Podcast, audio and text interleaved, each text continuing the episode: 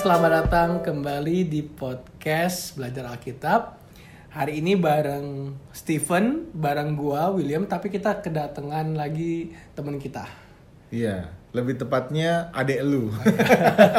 Ini bukan kedatangan serumah. Sebelahan. Oh iya benar benar benar. Edward waktu itu kan pernah ikut tuh bareng kita. Benar, udah pernah ada di satu episode uh, belajar Alkitab. Yes. Nah, Edward ini uh, kenapa kita sama dia lagi? Karena hari ini tuh kita pengen tahu nih cara belajar Alkitab dari seorang Bapak Edward. Halo dong, halo halo dong. Hai guys, halo Ya. teman-teman semua.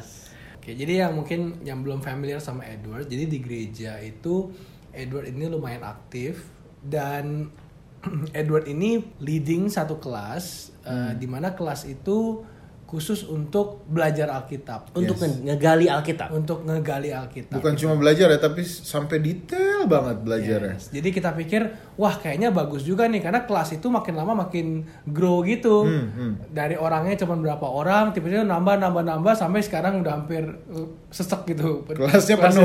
Selain karena ruangannya kecil ya.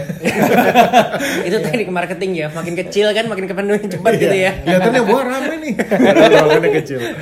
Anyway, tapi gue memang belum pernah dengar kayak tadi yang diomongin sama Edward juga. Ada orang yang malah senang atau cinta menggali Alkitab. Karena gue sendiri pun kayak emang gue backgroundnya memang bukan orang yang rohani banget, tapi pada saat gue punya kesadaran untuk dekat sama Tuhan bahkan membaca Alkitab tuh bu- belum menjadi kesukaan gue gitu loh. Ya kita kita kan udah bahas kayak dua episode terakhir Iya. gimana kita tuh walaupun ngebahas Alkitab tetap ada downnya, Iya. ada kayak aduh gitu. ayo tapi kayak mesti kayak dengan kadang tuh bahkan kayak dengan berberat hati gitu walaupun harus tetap baca gitu Nah, dan buat teman-teman yang belum tahu Edward, jadi ceritanya dia itu buka kelas ini kapan ya? Tahun lalu gitu? Sekitar satu setengah tahun lalu. Sekitar satu setengah tahun lalu.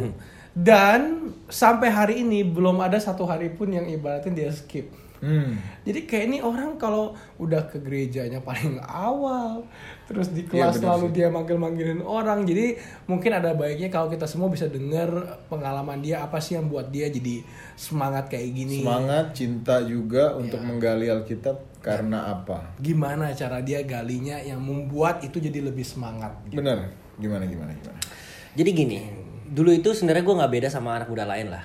Nah jadi dulu itu sama aja ke gereja tuh buat apa sih ya kan? Cuma datang dengerin orang, udah puas gitu aja pulang. Toh di gereja juga ngobrolnya ngobrol yang lain. Tapi gue merasa kok ada yang aneh gitu kan. hmm. Terus ini Alkitab selalu di selalu kalau pengkhotbah ngomong, "Yuk baca Alkitab, baca Alkitab." Oke, baca Alkitab buat apa gitu. Hmm. Sampai suatu hari gue bilang gini, "Oke, ini gue dari Kristen tuh dari dari kecil. Orang tua selalu ngajarin renungan pagi segala macam. Cuman ya ini impactnya ke gue apa? Hmm. Manfaatnya apa ini Alkitab? Cuma sekedar informasi kah atau apa? Jadi dan gue selalu bertanya. Dan sebenarnya gini loh, kebetulan orang tua khususnya eh, ayah gue ini suka khotbah. ya Dan gue juga pernah nanya, kok bisa?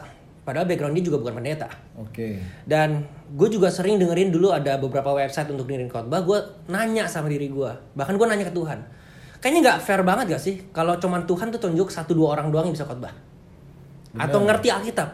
Oke. Alkitab diberikan buat orang semua banyak, ya kan? hmm. Tapi apakah memang Tuhan itu milih-milih udahlah nih buat William aja dah ini ilmu eh, pengetahuan buat Stephen doang yang bagian ini. Apakah gitu? Atau memang ada formulanya supaya semua orang tuh bisa mengerti akan misteri Tuhan di Alkitab ini? Hmm. itu sebenarnya pertanyaan awal yang sebenarnya gue tanyakan. Dan itu yang membuat gue berpikir oke kalau memang Tuhan itu adil pasti ada caranya. That's the logic kan? Ya dan gue sempat bertanya sama beberapa orang juga yang kebetulan gue juga hormati. Waktu itu kebetulan gue lagi kuliah di Melbourne, gue tanya, sebenarnya Alkitab ini, lu- bisa ngomong selalu, the Bible teach me bla bla bla bla. Hmm. Itu bener karena lu percaya atau karena memang kebetulan nemu atau bagaimana? Kok bisa benar-benar seperti ay- ayat ini melekat sama diri lu gitu kan? Hmm, hmm. Dan gue bilang, apakah ada tekniknya? Dia bilang ada. oke Dan gue akan nanya, bagaimana? Nah inilah nanti bisa dijabarin satu-satu nih. Paling nggak bagaimana gue bisa penasaran ke Alkitab itu karena memang gue nanya. oke Fair gak Tuhan itu? Kalau memang dia cuman beberapa orang doang yang bisa punya ilham akan Alkitab Alkitab. Jadi Edward akan mulai sharing. Edward kira-kira kita mau bahas dari mana nih hari ini? Oke, sebelum kita bahas, ini ada satu ayat yang membuat gue terinspirasi sebenarnya. Hmm. Jadi coba deh, kita mulai dari buku Kejadian 12 dulu. Kejadian 12 Ayat 1 aja. ayat 1. Nah, satu kalau bisa Stephen atau William bacain bahasa Indonesianya aja. Oke. Berfirmanlah Tuhan kepada Abraham, "Pergilah dari negerimu dan dari sanak saudaramu dan dari rumah bapamu ini ke negeri yang akan kutunjukkan kepadamu." Well, kalau kita tahu sekarang Abraham itu siapa? Bapak orang. Percaya? Percaya. Sepertinya hidupnya perfect. Tapi sebenarnya dari ayat ini gue baru tahu Hmm. kalau kita nggak hati-hati baca Alkitab, kita bisa miss the point. Ayo, dari ayat ini doang. Kejadian 12 ayat 1. Berfirmanlah Tuhan kepada Abram, itu Indonesianya. Hmm. Nah coba deh, kalau boleh William baca bahasa King James Version ya, dikatakan di kejadian 12 ayat 1. Hmm. Okay, now the Lord had said unto Abram, Get thee out of thy country and from thy kindred and from thy father's house unto a land that I will shew thee. Oke, coba tol tolong satu orang baca. Stephen tolong baca kalimat pertamanya dalam bahasa Indonesia. William baca kalimat Bahasa pertama Inggris. dalam bahasa Inggris ya. Oke, coba. Okay. Berfirmanlah Tuhan kepada Abraham. Stop. Inggris Now the Lord had said unto Abram. beda atau sama? Eh, kalau di bahasa Indonesia seolah-olah Tuhan berfirman kepada Abraham kayak sekarang. Tapi kalau di sini the Lord had said, Hmm. berarti Tuhan itu udah pernah kasih Exactly. tahu Abraham. Gitu. Yes. Berarti di sini tuh ada sesuatu hal yang kita harus hati-hati nih. Jadi Oke. gua nggak bisa salahkan terjemahan ini. Oke. Tuhan pasti berkatin orang yang terjemahan ini. Benar. Cuman kalau kita memang punya edukasi lah Ah. atau untuk bisa mengerti bahasa Inggris atau bahasa originalnya itu jauh lebih membantu kita untuk bisa mengerti Alkitab sebenarnya. Hmm. Karena nanti kalau dalam membaca Alkitab ini kita memang dipacu atau diajak untuk balik kepada bahasa aslinya nantinya. Hmm. Nah, mulai dari ini aja, kejadian 12 ayat 1. Seperti yang tadi William bilang. Kalau bahasa Inggris dia bilang the Lord had said unto Abram. Berarti Tuhan tuh udah pernah ngomong ke Abraham sebelumnya. Oke. Tentang apa? Waktu itu kalau pernah tahu story-nya Abraham disuruh pergi dari Ur Kasdim pergi ke Kanaan. Ternyata dia mentok di tanah Haran. Hmm. Dan dia berhenti di situ. Dan di sini ayat ini Tuhan ingetin lagi Abraham lu pergi kata kasarnya seperti itu. Hmm. Gue kan udah bilang sama lu, lu harus pergi ke Kanaan, bukan ke Haran. Tapi Abraham berhenti di Haran. So ini salah satu contoh bagaimana very interesting. Bible tuh kalau didik banyak hal yang bisa kita gali. Oke. Jadi ini yang membuat lu tertarik bahwa oh ternyata yang tadinya maknanya kayak gini harusnya aslinya kayak gini gitu ya? Itu bisa juga di satu sisi gue juga merasa gini, gue nih sama semi perfectionist ya, gak tahu itu Oke. good atau bad gitu loh. Tapi gue itu mau make sure apa yang gue baca, yang gue imani itu bener gitu. Oke. Gak cuma dengerin dari orang gue percaya. Oh. Jadi di sini gue mau reproof ini yang gue baca ini bener-bener gak yang gue terima ini prinsip yang gue dapat ini bener apa enggak? Hmm. Nah itu yang sebagai yang sebenarnya salah satu ayat yang memotivasi gue untuk menggali Alkitab sendiri Hmm. Untuk make sure yang gue baca itu benar. Oke. Nah itu dari background. Nah gue bisa share lagi sebenarnya prinsip apa sih sebenarnya bagaimana untuk kita bisa mulai Hmm. untuk bisa mulai. Nah, dulu gue pernah belajar dari mentor gue. Katanya cuman setiap kita belajar Alkitab, kita bisa tanya tiga hal basic sebenarnya. Hmm. Yang pertama tuh kayak what does it say? Apa yang dikatakan dari ayat tersebut? Oke. Yang kedua, what does it mean? Apa artinya daripada ayat tersebut? Yang ketiga, what are the things that God wants to tell me today? Apa hal yang Tuhan mau ajarkan kepada kita hari ini? So, jadi seputar apa pun yang kita baca, ayat apa pun, kapan pun, yang kita mau gali tentang Alkitab, hanya ada tiga pertanyaan basic yang selalu kita harus tanyain. Oke. Jadi prinsip ini harus kita harus kita ingat. What does it say? What does it mean? And what are the things that God wants to tell me today? Oke. Oke. Nah, contohnya apa? Contohnya kita coba buka Yohanes 1 yuk. Yohanes 1. Oke. Yohanes 1 ini kalau lihat dari perikopnya Indonesia Hmm. itu sampai ayat berapa? Sampai ayat Panjang ini. 18. 18. Nah, kalau kita baca Alkitab sekali sekaligus panjang, pasti kita ujung-ujung ngerangkumin, kita gak dapet poin-poin penting. Setuju gak? Iya, kita cuma fokus di Ya, doh cerita ki- besar. Kira-kira kayak gini lah. Iya. kesimpulannya, Exactly. gitu kan. Ujung-ujung kita kayak cerita Summary, doang, summary, ya kan? Oke. Padahal kalau kita lihat dari terjemahan Inggrisnya, biasa di buku di aplikasi HP pun yang ada Bible Englishnya, Hmm. itu ada kayak satu sign. Nggak tahu gimana cara bisa jelasin ke teman-teman di podcast ini, Hmm. tapi ini ada satu sign kayak paragraph icon. Oh, Oke, jadi kayak bentuknya kayak apa ya huruf P gitu ya, tapi garis dua terus ada. Mungkin nggak di semua aplikasi ada sih itu. Kalau Hmm. biasanya uh, punya Bible bahasa Inggris yang printed, itu kalau nggak ada icon gini, no, angka apa namanya dia punya nomor ayat itu di bold sama Mungkin dia. Edward pakai aplikasinya Blue Letter Bible. Blue Letter ya? Bible. Oh, Oke. Ya, kalau gue pakai Blue Letter Bible, kalau Alkitab normal pun yang printed bahasa Inggrisnya Hmm. ada misalnya angka satunya di boldin, angka limanya di boldin, bold itu di apa ya di Tebelin. tebelin ya. Tapi kalau buat temen-temen yang nggak, eh, maksudnya kurang mengerti bahasa Inggris gimana tuh? Nah, kalau yang nggak ngerti bahasa Inggris, sekarang ada teknologi, Oke. ada translation kan. Karena jujur, saya juga bukan orang yang master bahasa Inggris kayak bagaimana. Ya. Tapi paling nggak dari sekarang dari kamus dari apa udah bisa membantu kita lebih mengerti akan bahasa aslinya. Gitu. Oke, jadi mungkin mulai dari sini dulu. Oke. Apakah ada beberapa aplikasi atau kitab version eh, yang mana yang yang sebenarnya kita bisa jadi patokan? Karena lu kan berpatok sama Oke. Blue Letter Bible. ya. Aplikasi Blue Letter Bible sebenarnya juga banyak version. Cuman kalau lihat dari secara global Alkitab, eh, salah satu yang basicnya adalah King James Version. Jadi disarankan itu ya kita pastinya dong pasti bahasa Indonesia dulu dong kita lihat Iya, kan karena mhm, bahasa Indonesia. dan dari situ kamu didalamin ke King James. Yes, bahasa Inggris ke Oke. King James. Dari King James nanti ada ada eh, cara-caranya gimana kita bisa ke bahasa aslinya lagi, entah itu Greka ataupun Ibrani. Oke, kalau perjanjian baru Greka, perjanjian lama Ibrani gitu ya, ya. karena kita mau bahas Yohanes, tentu kita balik ke Greka. Oke. Ya. Nah, yang menarik kayak tadi. Kalau kita baca Yohanes 1 ayat 1 sampai 15, 6, 18. 18. Hmm. Well, kebanyakan orang summary. Hmm. Tapi ternyata kalau kita lihat aslinya, tulisan aslinya yang telah terbagi menjadi beberapa paragraf itu rupanya Yohanes 1 terbagi menjadi minimum tiga bagian. Oke. Yohanes 1 ayat 1 sampai 5, 6 sampai 9, Hmm. 10 sampai 13, baru 14 sampai Nah, bisa baginya kayak gitu gimana tuh caranya? itu kelihatan dari paragraf itu Yang tadi tanda-tanda yang itu. ada tanda-tanda itu. Oh, di Blue Letter Bible itu. gitu. Atau di Alkitab kita yang yang printed tapi bahasa Inggris itu biasanya di boldin itu ada eh, ditebelin angkanya. Berarti setiap angka yang tebel atau ada Itu tandanya paragraf baru. itu paragraf baru artinya. Nah, kalau memang itu paragraf baru, berarti setiap paragraf dipercayai memiliki satu minimal satu prinsip Pesan. penting.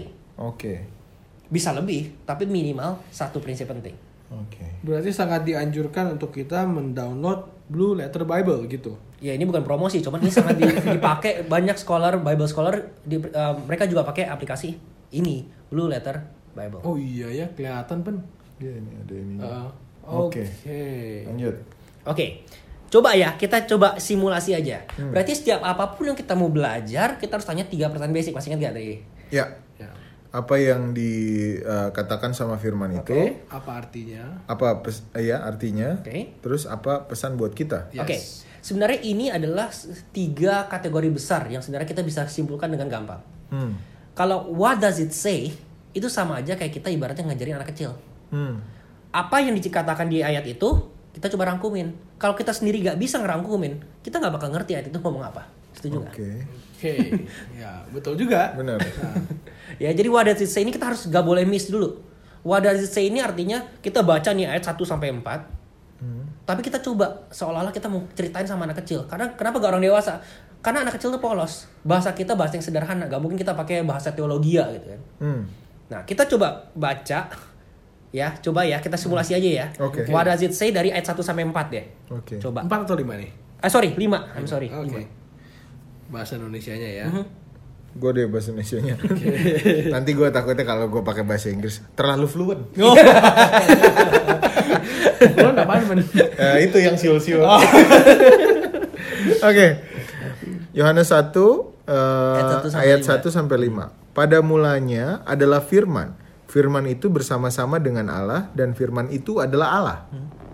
Ayat 2, ia pada mulanya bersama-sama dengan Allah. Ayat 3, segala sesuatu dijadikan oleh dia dan tanpa dia tidak ada satupun yang telah jadi dari segala yang telah dijadikan.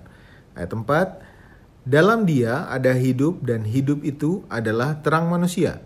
Ayat 5, terang itu bercahaya di dalam kegelapan dan kegelapan itu tidak menguasainya.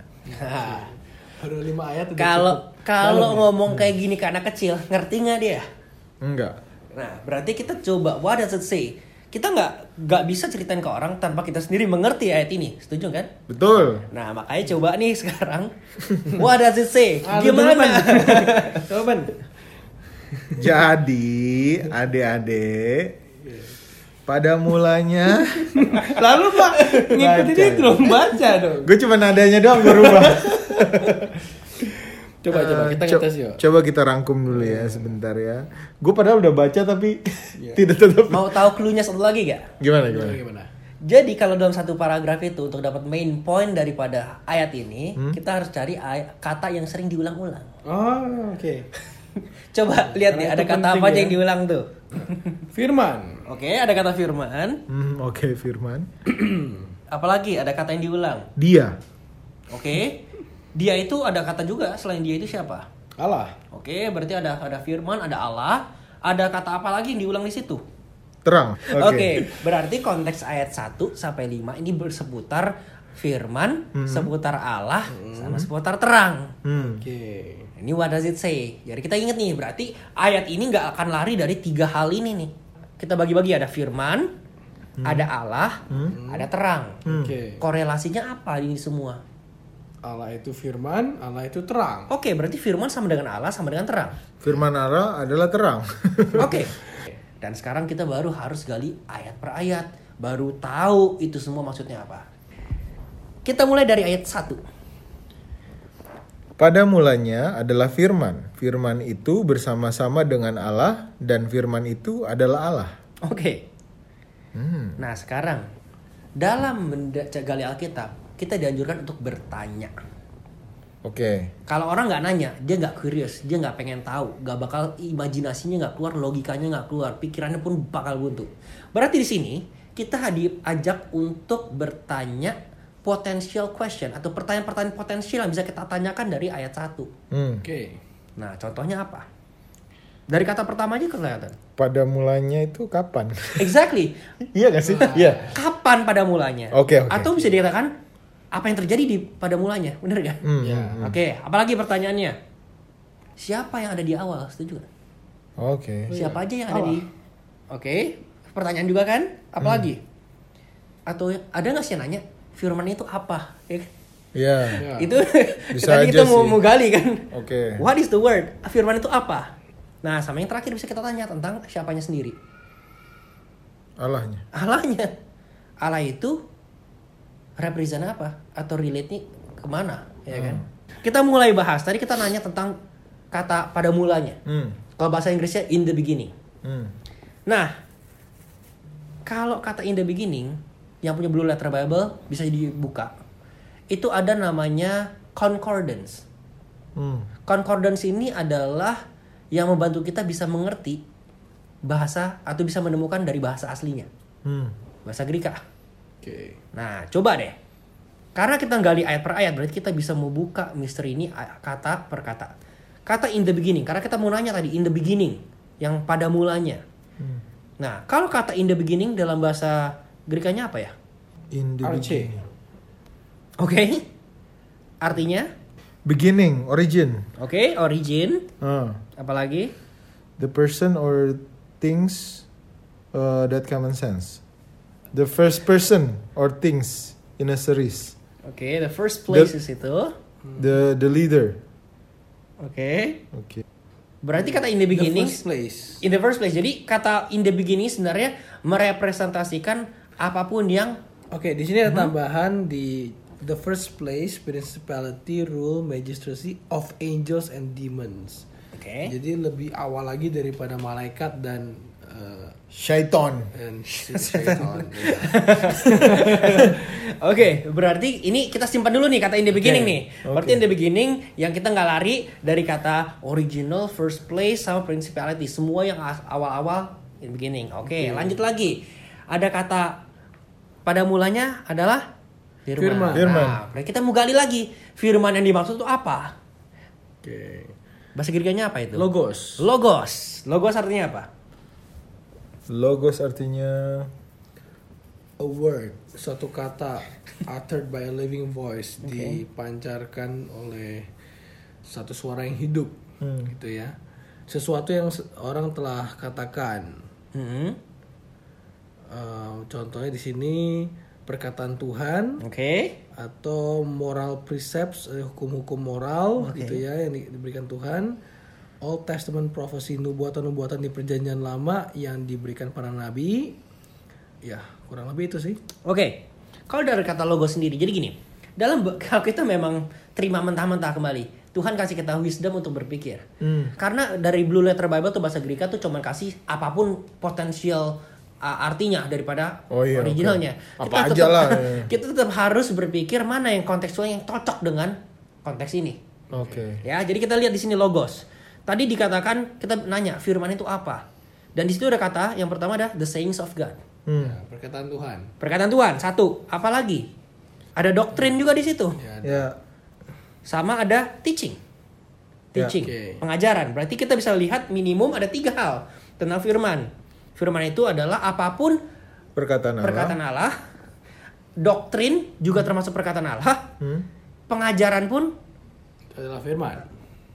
itu adalah firman. Oke. Dan kalau bisa kita kembangkan lagi dari keterangan yang ada di situ, khususnya di buku Yohanes, kata firman itu juga dikatakan ada refer to personal wisdom and power in union with God. Hmm. Adalah hikmat yang sifatnya pribadi Mhm. dan kekuatan yang bersama sama dengan Allah. Oke. Now, kembali simpan lagi itu ya, fakta-fakta ini. Oke. Sekarang kita lari ke kata Allah. Oke. God. Ini menarik ini. God bahasa Greek-nya apa dikatakan di ayat ini? Theos. Nah, ini jarang banget orang tahu nih. Taunya kalau biasa kata lain Allah tuh apa? Elohim ada Jehovah dan lain sebagainya Oh, kan yes. ya kan? Nah, menariknya kalau di bahasa Indonesia atau Inggris cuma kata kata God gitu kan. Allah. Allah. Nah, sedangkan kalau bahasa Greek-nya setiap kata deskripsi tentang Allah beda-beda mak- artinya. Hmm. Dan khususnya di buku Yohanes 1 ini dia ngomong kata Allah dengan kata theos. Nah, theos ini apa artinya? Dari Blue Letter Bible. Trinity. Oke. Itu menarik tuh. The Godhead Trinity. God the Father, Hah? Christ, Holy Spirit. Berarti ada God the Father, God the Son, and Holy Spirit. Oke. Kata God yang didescribe atau dideskripsikan di dalam Yohanes 1 ayat 1. Hmm. Berarti maksudnya Allah itu adalah Allah Trinitas gitu ya. Dan Allah. juga dijelaskan di situ Allahnya Alpha atau ada in the beginning. Nah, kalau gitu kan kita bisa lihat secara garis besar ayat 1 itu gampang sebenarnya melihatnya. Hmm. Oke. Yang pertama kan dikatakan tadi kita tahu udah udah tahu tentang in the beginning atau pada mulanya firman sama Allah. Hmm. Dan semua fakta tadi itu yang bak- bakal bantu kita untuk ngambil prinsipal sebenarnya atau prinsip. Hmm. Nah, dikatakan di sini kalau dari ayat ini kita bisa langsung tahu nih kalau firman itu sama dengan Allah, berarti pada mulanya yang tadi itu, yang pada penciptaan itu sama dengan Allah, Hmm. berarti kita bisa lihat bahwa dalam penciptaan Hmm. yang ikut turut serta tuh nggak cuma satu. Oke. Itu fakta lagi tuh kan Allah Bapa, Anak dan Roh Kudus ikut Ya. di dalam penciptaan. Penciptaan. Oke. Tapi dari yang lebih menarik, kalau firman itu sama dengan Allah, berarti kalau kita juga mau mengenal tuh Allah, Hmm. hanya ada satu syarat, yaitu Melalui firman-Nya. melalui firman-Nya. Oke. Is that simple? Oke. Berarti di sini kita bisa rangkumkan secara jelas di ayat 1 yang ditekankan apa? Bahwa sewaktu kita memang mau mengenal Allah, satu-satunya jalan atau satu-satunya akses adalah dengan melalui firman, Firman, itu ya. sendiri. Yang mana dia katakan tadi ada saying of God, doctrine and teaching. Hmm. Kalau saying of God yang kita tahu dari mana? Alkitab. Alkitab. Doctrine, Alkitab. Alkitab. Teaching, Alkitab.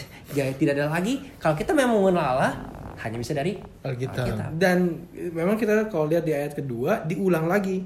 Ia pada mulanya bersama-sama dengan Allah. Nah, coba deh bahasa bahasa Inggrisnya. Itu menarik lagi tuh. Kalau bahasa Indonesia ia bersama dengan Allah. Bahasa Inggrisnya? The same. Was in the beginning with God. Nah, Dan the same itu apa itu? the same itu apa? Firman. Coba ingat kontekstualnya. The same was in the beginning Hmm. God. Kalau bahasa Indonesia, kalau bisa diterjemahkan, hal yang sama terjadi pada mulanya. Hmm. Oke. Berarti kembali menekankan tentang Penciptaan tadi. kejadian satu ayat satu Oke. bahwa bahwa waktu Allah menciptakan semuanya, Allah melalui firman. Hmm. Oke. Ya kan kalau kita memang baca secara gamblang kejadian ngomong berfirmanlah Allah bla bla bla bla. Ya. Nah, dan tapi kita juga bisa lihat di sini kalau kata God said itu dalam bahasa Greek itu menarik, katanya amar. Hmm. Nah, artinya itu adalah command, speak atau say with power. Berarti nggak sembarangan kalau sekarang Iya. kita bilang saya berfirman itu nggak sama dengan Allah berfirman seperti di penciptaan. Oke. Karena firman Allah itu harus mengandung elemen Comment. command, speak and say with power. Oke. Ada kekuatan di situ. Hmm. Nah, ini yang lebih lebih menarik. Kalau tadi kita lihat di ayat pertama kata God itu atau kata Allah itu artinya theos, Hmm. di kejadian satu-satu apa ya? Kalau kan the same was in the beginning with God. Oke. Nah, coba deh teman-teman buka kejadian satu ayat satu, cari kata Allah itu apa Di Blue Letter Bible. di Blue Letter Bible. kata Allah. Nah, itu adalah Elohim. Ya, menarik, bahasa kan? Ibrani-nya ya. Hmm, Dan Elohim itu dibilang adalah plural. oke. Berarti bukan satu, orang. Ya. Oke. Nah, Em, iya itu aja sih dia bilang. ada kata yang di dilengkap di situ. Hmm. Ada titik-titik God. Kelihatan nggak?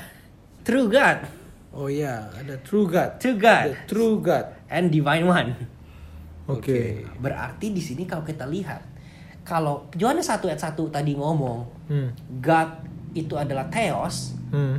yang Allah Bapa, Anak dan Roh Kudus, and the same Hmm. yang terjadi di kejadian, Allah yang sama yang ada di buku kejadian 1 ayat 1 yang melakukan penciptaan, yang dikatakan itu adalah Elohim, artinya true God, berarti kita bisa ngambil simpulin satu prinsip penting. Allah yang benar adalah Allah Bapa, Oh iya. Anak dan Roh Kudus. Roh Kudus. Berarti Allah yang benar adalah Allah yang Trinitas. Oke. Oke. Nah, menarik kan? Ke Yohanes ini menjelaskan secara gamblang bahwa Allah yang benar adalah Allah Trinitas. Allah Padahal Bapa, cuma dua ayat tapi dalam ya ininya artinya. Dan ini juga disupport di ayat ketiga memang karena dikatakan segala sesuatu dijadikan oleh Dia dan tanpa Dia tidak ada satupun yang telah jadi dari segala yang telah dijadikan. Memang benar sih yang Edward ngomong tadi konteksnya memang ini penciptaan. Hmm. Ayat 3 kayak support itu semua gitu loh bahwa ini adalah Allah, ada Allah Bapa, ada Kristus, ada Allah Roh Kudus yang menciptakan langit dan bumi Hmm, menciptakan segala sesuatunya pada mulanya tadi ya. pada mulanya dan eh, semuanya diciptakan melalui Dia. Hmm. Dan kalau di ayat 3 itu dikatakan all things were made by him kalau bahasa Inggrisnya. Hmm. Was kata was made itu sendiri mengandung arti yang luar biasa. Oke. Itu berasal dari kata ginomai yang artinya come to existence atau miracle Hmm. ada di situ. Berarti kalau ngomongin miracle atau mujizat Hmm. itu berarti ngomongin tentang divine power. Itu Ya. di luar kuasa manusia. Tidak ada kuasa manusia yang bisa melakukan mujizat. Mujizat. Berarti di sini kita bisa lihat apa?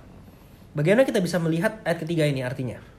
Bahwa Allah yang Benar. benar yang Allah Bapa, Tuhan Yesus, Mhm. Roh Kudus itu yang punya mujizat yang bisa menciptakan mujizat. Exactly. Karena dia menciptakan uh, langit dan bumi dan semua yang di awal di kejadian satu itu dengan mujizat seperti itu. Ya. Jadi semua ayat-ayat ini dalam satu paragraf supporting each other. Lihat kan patternnya. Dari ayat 1 dia cuma jelasin tentang background background background ya, tentang kontekstualnya. Ayat 2 di tegasin lagi bahwa Allah yang benar adalah Allah yang Trinitas Hmm. dan di ayat 3 dijelasin lagi bahwa Allah yang benar yang ah, Trinitas itu yang satu-satunya yang mempunyai kekuatan untuk memberikan mujizat dan lain sebagainya Dan menciptakan. dan menciptakan Hmm, hmm, hmm. Dan tidak ada satupun dan dikatakan all things loh Iya. all things were made by him including siapa including setan. setan Hmm. berarti di sini menarik kembali Alkitab ini kalau li- lihat kan kalau kita gali Alkitab ini bantu dari hal uh, general lebih spesifik lebih spesifik lagi Hmm. nah coba deh kita lanjut ke ayat 4 dulu deh Ayat 4. Dalam dia ada hidup dan hidup itu adalah terang manusia. nah hidup ini apa maksudnya apa arti kata life atau hidup di situ Oke, Kalau kata Grikanya Zoe Hmm? yang artinya Every living soul. Oke, every living soul. Hmm, berarti kayak bukan cuma manusia, eh, hewan, Ya, eh, tumbuhan mungkin. Semua living things Ya. dari Allah. Oke, apa lagi? real, genuine, alive, active, devoted to God. Belongs to God ya, devoted to God. Apa lagi? Eh, apa lagi ya? Apa? Ya apa udah itu aja memang. Waduh. Karena kan kan masalahnya kita wah apa lagi nih kita kok nggak nemu nemu eh ternyata kita harus antusias Iya, dong, iya, iya. ya kan? Pikir dari Bener, sini gue mau gali lagi dulu. oke Coba move on kata berikutnya. Setelah kata life ada kata light, ada terang di situ kan? Oke. Apa arti kata terang? Terang. Pos. bahasa Grikanya pos A heavenly light. Oke. Terang surgawi. Such as surrounds angels when they appear on earth. Kembali Terang. jangan dibaca semuanya. Hanya pilih mana yang sesuai, yang cocok kontekstual dengan ini. Ada truth and Truth knowledge and its knowledge. Oke, truth and knowledge itu adalah terang. Oke, apa lagi? Oke. oke The power of apa di situ? the power of understanding, Understanding. moral spiritual truth Oke. Nah, berarti dapat fakta lagi nih, ada kehidupan sama ada terang. oke Ya. Sambunginnya gimana? Kalau misalnya eh, kehidupan itu adalah berasal dari Allah, hmm kalau dan terang itu adalah truth and knowledge dan kekuatan untuk mengerti hal-hal tentang moral maupun hal spiritual. hmm Nah, terus maksudnya ayat 4 ini apa dong? maksud Hanya di dalam hidup di dalam Allah kita bisa mengerti hal-hal yang rohani di dalam dunia ini. Yes. hmm Jadi hanya melalui Allah kita bisa mengerti akan firman dan terang itu sendiri. hmm Jadi itu omong kosong, pergi ke orang pinter lah, pergi ke counseling ke si A, B, C dan sebagainya. Karena jawabannya cuma satu, untuk mengetahui terang dan firman Allah itu melalui Allah itu sendiri. oke Jadi kalau kita l- membaca firman Allah tapi Allah tidak tinggal di dalam kita, kita tidak bersama dengan Allah, Tidak terang di ya, dalam kita tidak akan bisa mengerti firman Allah dengan sepenuhnya atau dengan sebenar-benarnya. hmm Ya. Oke. Oke. Dan dan ini artinya berarti firman Allah atau Alkitab ini adalah terang tadi yang i- isinya adalah knowledge, uh, truth of God Mhm. dan lain-lain gitu. Hmm. Oke. Berarti sebenarnya gampang. Kalau kita kembali tadi kan kita eh, ekuasi pertama kan firman sama dengan Allah sama dengan terang, Hmm. Oke. ya kan? Berarti sekarang kita udah lebih mengerti nih setiap elemen itu apa. Oke. Berarti kita bisa jabarin kayak gini kan. Kalau firman itu pengajaran, Hmm. firman itu berasal dari Allah dan doktrin, Hmm. kita bisa bilang kepada anak-anak kecil, Hmm. kamu mau tahu tentang Allah, satu-satunya jalan adalah melalui Alkitab yang memiliki doktrin, pengajaran dan firman Allah. Hmm. Oke. Dan dengan kamu mempelajari itu, kamu akan mendapatkan terang yang berasal daripada Allah. Allah. Karena firman itu sendiri memiliki terang. Hmm. Oke. Lebih gampang nggak untuk dimengerti anak kecil? Oke. Lebih gampang. Nah, Hmm. dan tadi sebenarnya dari proses kita menggali-gali-gali tadi, itu sebenarnya kita udah masuk ke tahap dua tadi sebenarnya. Kan tadi kita eh, ngajarin ke anak kecil tuh what does it say? Hmm. Apa yang dikatakan? Oke. What does it mean itu adalah hal-hal yang tadi kita bahas nih. Oke. Oke. Kita Jadi- mencari makna dari Makna dari, setiap ini. perkataan firman ini. Nah, tapi sering banget orang stop sampai sini. Habis itu udah, gue jadi orang pinter deh, ngerti Alkitab semua. Oh, diriku sudah mengerti, coy, gitu ya. Kayak, Terus? akulah ahli firman ini. Iya, dan begitu doang. Habis itu ke mana? Gak ada perubahan dalam diri dia. Makanya ada elemen ketiga. What are the things that God wants to tell me today? Hmm. Apa yang Tuhan mau kasih tahu ke kita Ke- hari kepada ini. kita hari ini. Itulah yang namanya aplikasi. Oke. Nah, Hmm. orang bisa aja orang pinter banyak di dunia ini. Hmm. Menggali Alkitab, ikutin formulanya semuanya bisa. Oke. Tapi apa yang membedakan orang ini rohani sama gak rohani? Kalau dia menghidupkan atau nggak menghidupkan akan firman itu yang dia pelajari. Ya, Nah elemen ketiga ini yang harus dihidupkan harus juga. hidupkan juga. Ada namanya prinsipnya smart application. Oke. Nah, ap- smart application ini adalah spesifik, measurable, ini akronim ya. Hmm.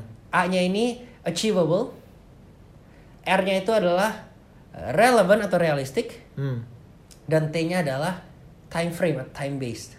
Oke. Hmm. Nah, ini adalah elemen-elemen yang setiap kita bikin aplikasi harus ada. Oke. Pertama ya, misalnya kita contoh ambil ambil salah satu uh, prinsip aja deh yang tadi kita udah bahas. Hmm. Contohnya apa? Saya mau kenal Allah nih. Satu-satunya jalan adalah melalui firman Tuhan. Oke. Betul. Komitmen saya apa? Baca Alkitab. Oke, apakah itu smart aplikasi? Coba, coba. Kalau Steven sama Bro William ini, kira-kira dari yang anggap yang tadi ini, Hmm? mau bikin aplikasi apa? Buat diri kita. Karena ini ngomongnya udah personal, bukan ngomong publik di sini. Gue pengen tahu lebih banyak soal yang tadi dibilang truth of God Hmm. sama knowledge. Oke, itu aplikasi lu ya. Oke, kalau Bro Berarti William, mungkin ini pen lu mesti jam Instagram itu diganti. Jam Nah. Instagram. Juga. gua akan kembali dengan kata jam di situ. Ingat ya, tadi ada smart application, S M A R T. Oke. Spesifik. Oke. Berarti harus benar-benar spesifik apa yang kita mau kerjakan. Dari ayat yang tadi dari kita baca. apa aplikasi dan pelajaran yang kita mau terapkan. Oke. Measurable-nya terukur. Oh. Kalau misalnya saya ibaratnya kata kasarnya kalau sekarang saya ini orangnya nggak pernah bangun pagi terus mau bilang saya mau jam 3 pagi renung Baca, pagi eh. itu omong kosong nggak terukur tuh Bener juga loh. Terbilang dia. terbilang tapi tidak terukur Terbilang tapi tidak dilakukan. ya Oke. Achievable masuk akal nggak contoh dicapai nggak, bisa gitu ya? dicapai nggak Hmm. relevan atau realistik kembali relevan nggak sama kontekstual yang kita udah pelajarin Oke. Kalau misalnya saya belajarin tentang Allah gitu deh, saya aplikasinya tentang memaafkan orang lain itu udah out of topic gitu loh. Oke. Yang terakhir adalah time based, ada waktu. Sekarang, misalnya kita lagi belajar nih tentang saya mau belajar Alkitab, ya udah aplikasi saya itu, itu nggak smart kenapa? Kapan mulainya? Oke. Jam berapa? Hmm. Berapa lama? Itu semua harus jelas. Harus ada spesifikasinya ya. Iya dong, itu namanya smart application. Oke, dari karena gua tahu gua dapat pesan tentang memaafkan misalkan nih Hmm. dari Alkitab, itu artinya gue mulai besok harus bisa memaafkan misalkan gue lagi berantem sama kakak gue oh gue harus bisa memaafkan kakak gue seperti itu Nah, mungkin gua kat, bukan katanya harus. Kalau smart application, lu pasti melakukan itu. oh iya iya Kalau itu itu bedanya. Kapan itu, Pan? Iya, iya, iya. Kapan, Contoh, di ya. mana, bagaimana gitu kan. oke Contoh, saya mau maafkan Steven gitu kan. Itu aplikasi orang kan gampang kan? Tapi itu gak smart. Contoh, bisa aja Steven lagi keluar kota. oke Atau gue gak punya kontaknya Steven, udah lupa, udah di delete. oke Gak nggak nggak realistik, gak bisa dilakukan gitu. jadi harus Jelas, Spesifik. spesifik. Nah, berarti kalau sekarang kita misalnya salah satu ilustrasi contoh aplikasi smart yang bisa dikatakan. Oke, saya tahu nih, saya setiap hari rutin bangun pagi itu sekitar jam 6 setengah 7 pagi nih. oke Ya anggap-anggapan lah um, guring-guringan di tempat tidur setengah jam, berarti jam setengah tujuan, ya kan? hmm. Nah, berarti kita tahu jam setengah tujuh nih, bisa kita udah on banget, udah full banget. Hmm. Di situlah kita bisa bilang, oke, mulai besok pagi, setengah tujuh pagi sebelum saya mandi misalnya, sebelum sentuh handphone, sebelum saya ngapa-ngapain, Hmm. saya langsung ke meja khusus saya untuk membuka Alkitab, menggali firman Tuhan, khususnya Yohanes 1 ayat berapa berapa berapa. Hmm. dalam jangka waktu Dan dalam jangka waktu misalkan satu jam Misalnya saya mau saya mau bikin, saya bisa membahas Yohanes minimal Yohanes 1 ayat 1 pada hari ini. oke Besok Yohanes 1 ayat 2. Jadi mungkin kita bilang Setiap hari 15 menit selama mungkin satu minggu apa dua minggu. Tapi itu gak spesifik. Mau baca apa, Pak? Oh iya, maksudnya kan tadi smart tadi kan ngomongin time? Time frame. time frame Ya. kan. Jadi ya kalau kita bilang mau setiap hari, setiap hari itu kan kurang spesifik ya nggak terukur gitu. Ya. Lebih bagus bilang untuk satu minggu ini gitu ya. Untuk satu minggu ini saya cuma fokus setiap kepada jam sekian. Yes, gitu. saya bahas Yohanes 1 ayat 1 sampai 4 saja.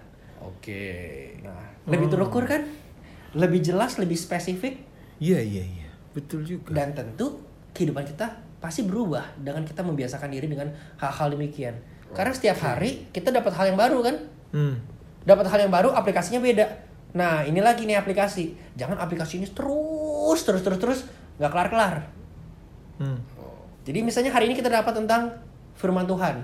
Kita aplikasinya mau belajar firman Tuhan setiap hari jam sekian tentang pas eh, ayat ini Hmm. dan lain sebagainya. Besok kita bisa dapat ayat 2 kan lain lagi ngomongnya. Hmm. Kita bikin aplikasi lagi Oke. ditambah yang kemarin kita lakukan. Oke. Hari ketiga, temuin lagi fakta baru, misalnya tentang memaafkan. Bukan berarti aplikasi 1 dan 2 nggak dikerjain.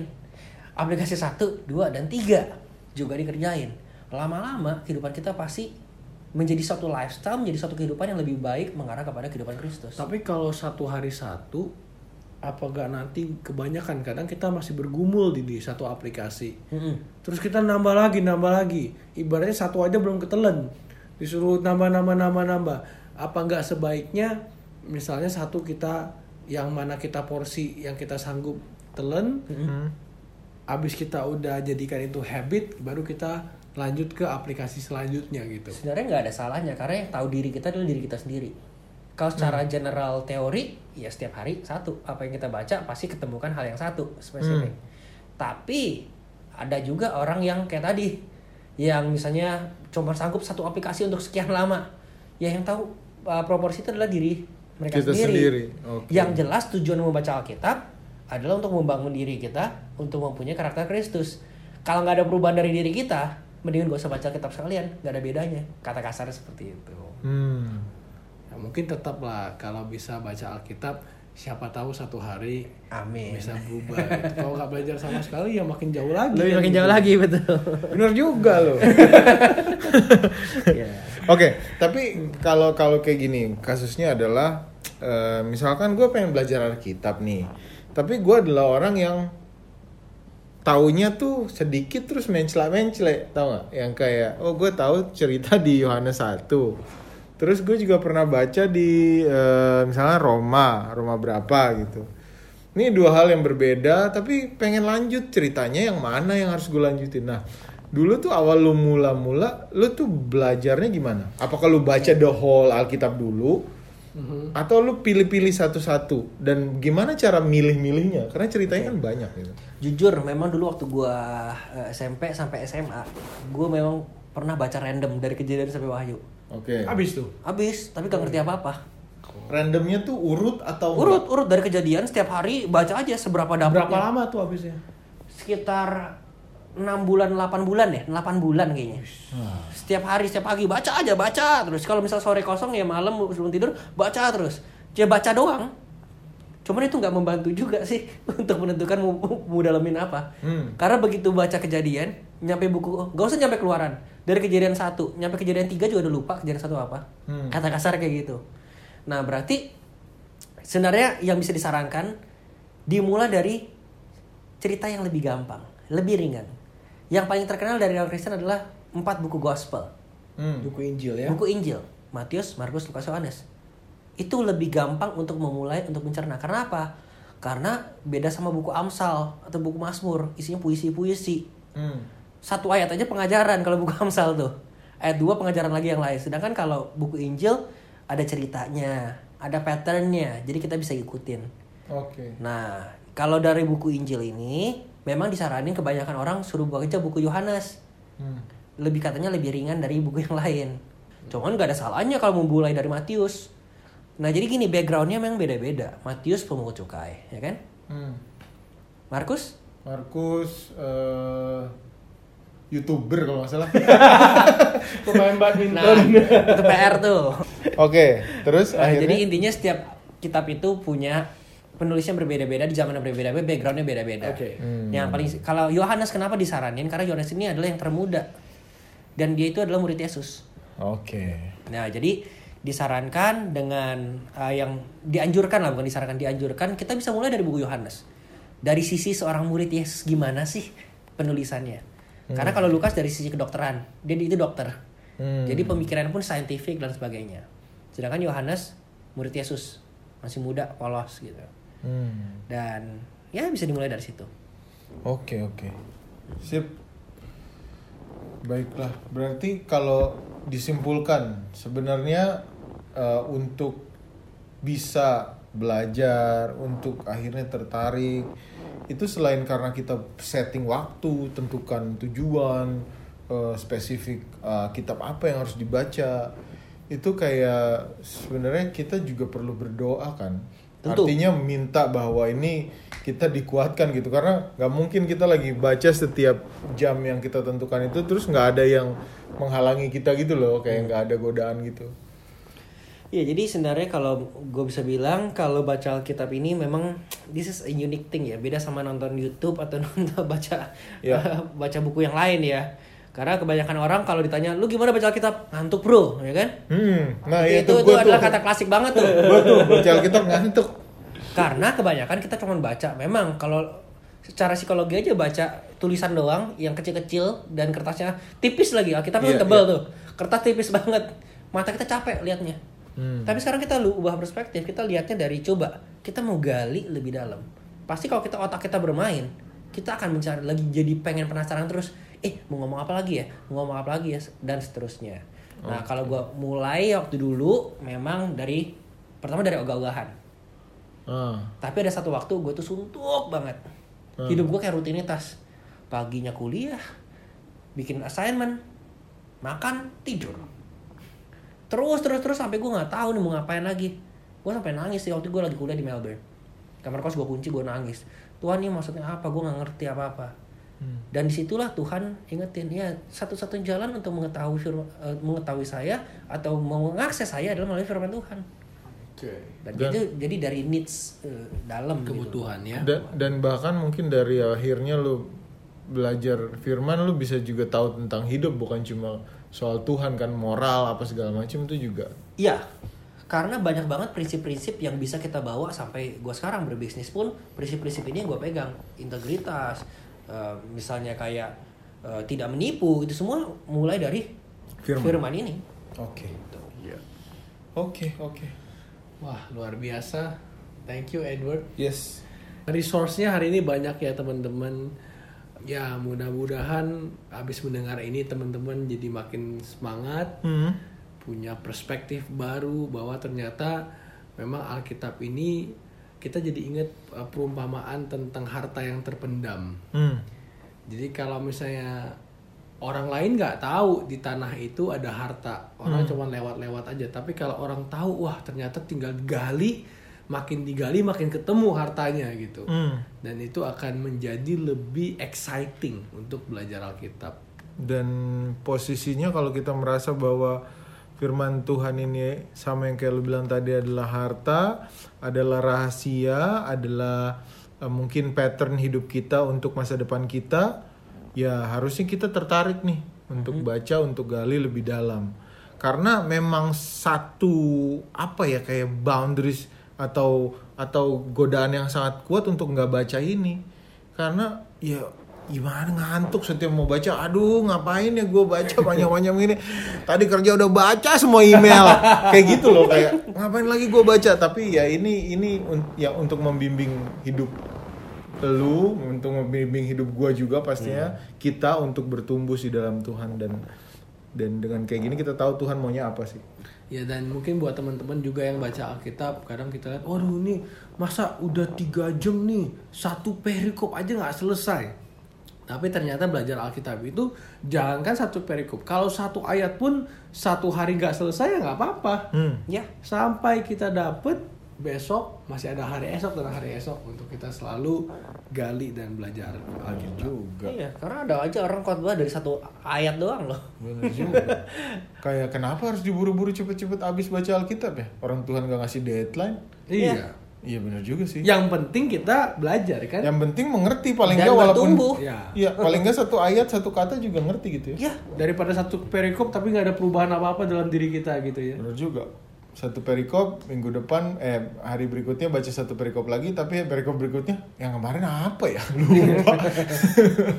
Oke, oke, oke. Itulah hari ini teman-teman pesannya dan ini juga eh, khususnya buat gua sih, gua karena memang masih sangat susah baca Alkitab, masih sangat nggak tertarik bahkan lebih ke kayak aduh ini yang mana ya? Dan bahkan gue bingung kadang-kadang ini gue yang mana harus gue baca ya? Cerita mana yang yang maknanya harus gue serap gitu untuk merubah hidup gue jadi lebih baik lagi. Tapi semoga hari ini bisa jadi apa patokan atau cara yang baik buat gua buat teman-teman yang mau belajar Alkitab terima kasih Edward thank you guys. sudah Thank you, sharing guys. terus semangat dalam pelayanannya William juga terima kasih Dan sudah Steven juga terima kasih. betul sekali Sudah menemani.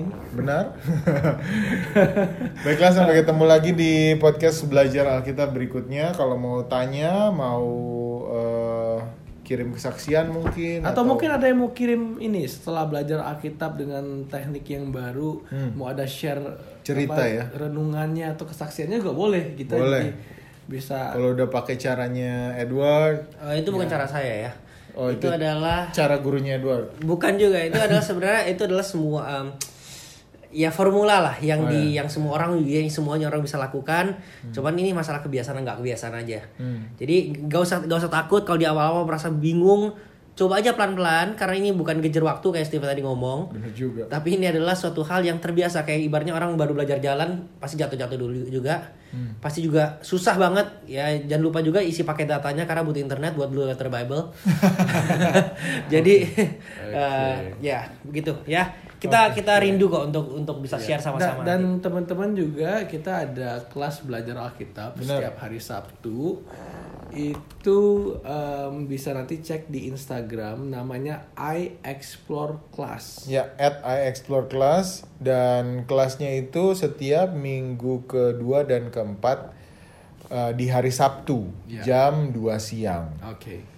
Kalau teman-teman mau tanya-tanya juga boleh email ke kita di belajar alkitab podcast at gmail.com Yes.